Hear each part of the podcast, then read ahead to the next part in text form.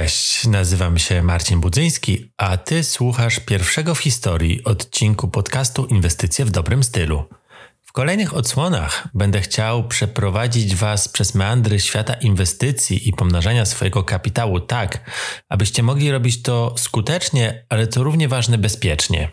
Możecie zadać sobie pytanie, dlaczego w ogóle uwierzyć w to, o czym będę tutaj mówił. I bardzo słusznie, bo ostrożne podejście do wszelkiej maści doradców, w szczególności jeżeli chodzi o kwestie finansów, pieniędzy, inwestycji, zaprocentuje Wam w przyszłości i wpłynie na bezpieczeństwo Waszych pieniędzy.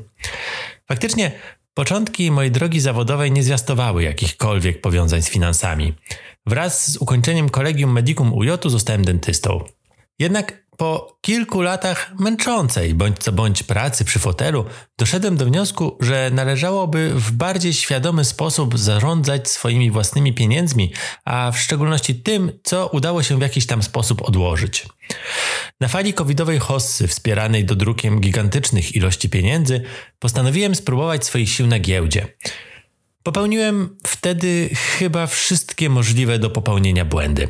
Otworzyłem rachunek maklerski w banku, w którym akurat miałem konto, a następnie kupiłem akcje kilku modnych wówczas spółek, których wyceny, jak się okazało, były bardzo blisko swoich szczytów. Nie muszę wspominać chyba o tym, że całe to przedsięwzięcie zakończyło się na minusie, jednak na szczęście założyłem stosunkowo niewielki budżet testowy i wyraźną granicę maksymalnej straty, co spowodowało, że nie straciłem jakiejś sumy znacząco wpływającej na moje finanse, ale pozwoliło wyciągnąć pewne wnioski. Była to nauczka, że należy wpierw zgłębić nieco teorii. Rzuciłem się na książki i artykuły o tematyce inwestowania, ale wciąż wydawało mi się to niewystarczające. Postanowiłem podjąć kolejne studia, tym razem na kierunku analityk finansowy, a wisienką na torcie był udział w organizowanym przez Związek Maklerów i Doradców kursie przygotowującym do egzaminu na doradcę inwestycyjnego. Teraz chciałbym podzielić się tą wiedzą z Wami, żebyście nie musieli uczyć się na własnych błędach. Zdecydowanie lepiej jest ich unikać, albo jeżeli już koniecznie trzeba wyciągać z nich wnioski, to lepiej, żebyście to robili z moich niż własnych.